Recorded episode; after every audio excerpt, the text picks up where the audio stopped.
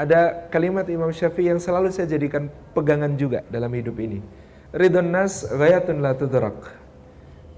Mencari ridhonya manusia itu tujuan yang tidak pernah tergapai. Bikin semua orang senang sama kita itu hal yang mustahil. Gitu ya.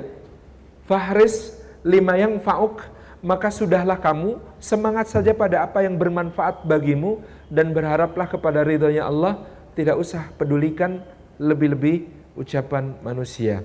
Dalam satu sisi ini sangat bermanfaat bagi kita untuk hidup woles tadi. Karena orang itu kita mau ngapain aja ada komentarnya kok. Ada ceritakan yang sering diceritakan uh, meskipun saya belum ketemu sanatnya bahwa itu memang cerita tentang Lukman salah satu ahli hikmah yang ada dalam Al-Quranul Karim diceritakan dia pergi bersama anaknya dengan membawa seekor keledai.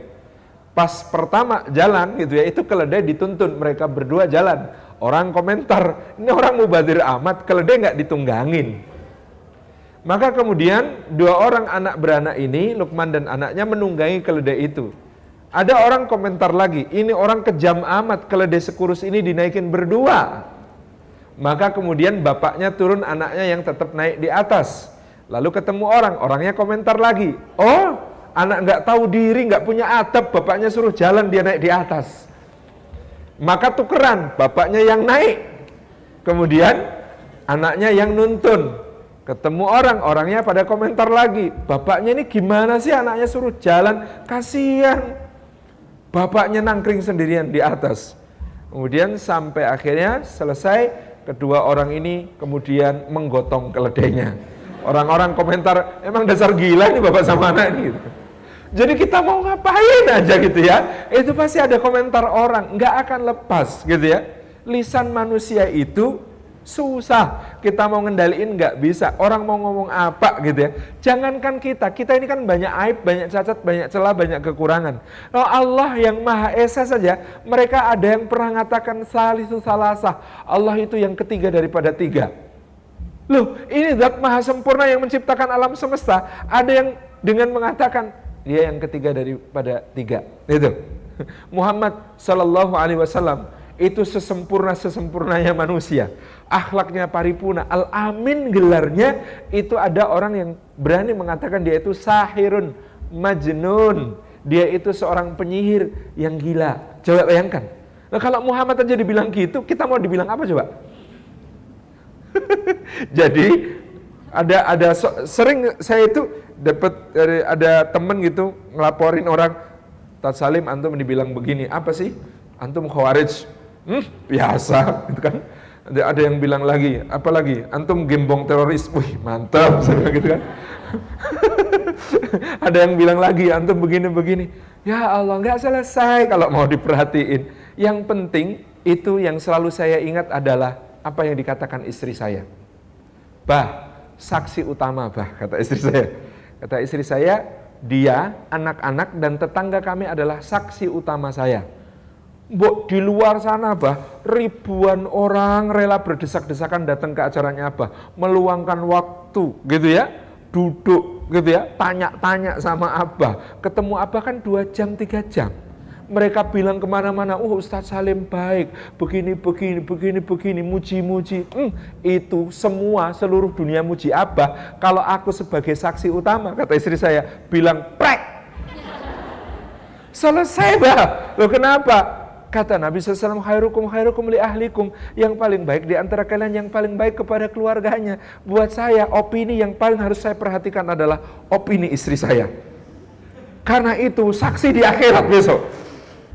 Kalau dia bilang yes, seluruh dunia itu cuma memperkuat apa yang menjadi persaksiannya. Tapi kalau seluruh dunia bilang yes sekalipun, dia orang baik sekalipun, istri saya bilang belgedes gitu. Misalnya ya, misalnya. Naudzubillah min zalik gitu kan. Maka nggak ada gunanya persaksian seluruh dunia. Sedikan kita yang kelihatan oleh orang yang paling akrab, paling dekat dengan kita itu. Jadi slow, oles. Omongan mereka nggak pengaruh buat kita. Nggak mengurangi rizki yang sudah ditepan Allah buat kita. Misalnya ada orang memfitnah bisnis kita, begini, begini, begini. Apakah itu mengurangi rizki? Enggak. Mengurangi omset mungkin. Mengurangi rezeki enggak mungkin. Mengurangi omset, yes mungkin. Mengurangi rezeki enggak mungkin. Enggak ada yang bisa mengurangi rezeki. Allah yang menetapkan, Allah yang mengatur. Mereka mungkin mengatakan tentang kita, um, gara-gara dikata-katain jelek-jelekin gitu ya. Apa iya kemudian bikin kita nggak dapat jodoh? Nggak bisa. Allah yang ngatur kok. Kita percaya Allah yang ngatur. Nah kita kemudian ya orang orang itu maksimal apa yang bisa dia lakukan untuk membahayakan kita dengan kata-kata maupun perbuatannya itu maksimal yang dia lakukan ya sejauh yang diizinkan Allah untuknya nggak akan lebih iya kan seluruh dunia itu bermufakat untuk memberi madharat kepada kita kalau Allah nggak mengizinkan terjadi apa enggak enggak seluruh dunia pengen memberi manfaat pada kita ngasih kita sesuatu kalau Allah nggak mengizinkan terjadi enggak enggak maka yang penting kita mesra sama Allah, sama orang, biar Allah yang atur. Sama orang, apa yang dilakukan orang pada kita, biarin. Gitu kan? Tugas kita mempertanggungjawabkan apa yang kita perbuat kepada kepada orang. Itu aja yang kita jaga. Kalau kita nggak bisa nyenengin semua orang, minimal kita jangan menyakiti orang. Udah, selesai sampai di situ. Gitu ya. Bagaimana tentang mengenal? Memang mengenal Allah itu membuat kita menjadi mengenal diri kita. Maksud saya begini. mengenal Allah Subhanahu wa taala berarti mengenal kesempurnaannya Allah. Dengan mengenal kesempurnaan Allah, kita makin merasa bahwa kita ini seorang hamba, kita ini makhluk, kita ini lemah, kita ini fakir, kita ini hina di hadapan Allah Subhanahu wa taala.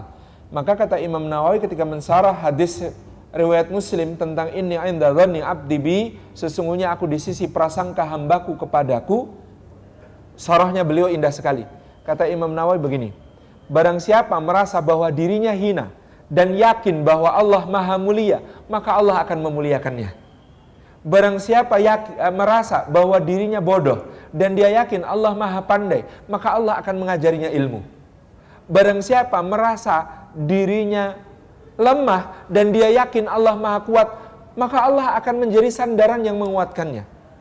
Barang siapa merasa bahwa dirinya miskin dan yakin Allah Maha Kaya, maka Allah akan mencukupinya. Indah sekali ya.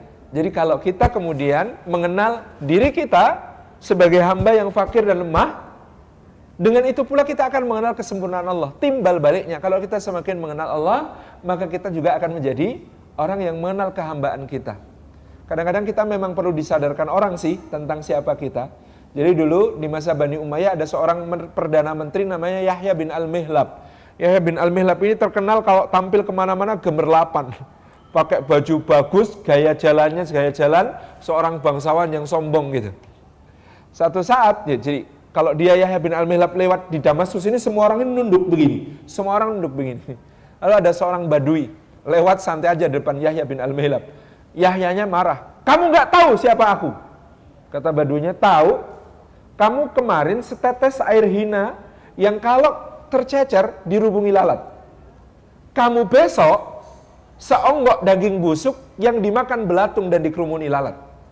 Kamu sekarang adalah kantong kotoran. Di dalam tubuhmu ada kotoran dan kamu berjalan ke mana-mana bawa kotoran itu. Yahya bin Al-Mihlab langsung jelek gitu. Iya juga, kita ini apa? Kemarin hina, besok menjijikkan, sekarang bawa kotoran ke mana-mana. Apalagi yang belum ke toilet dari tadi nahan. Wadah kotoran kita ini. Subhanallah, dengan mengenal itu, kita akan merasa bahwa kita hamba Allah. Dan dengan mengenal Allah, kita akan merasa bahwa kita sangat memerlukan Allah Subhanahu wa taala. Wallahu a'lam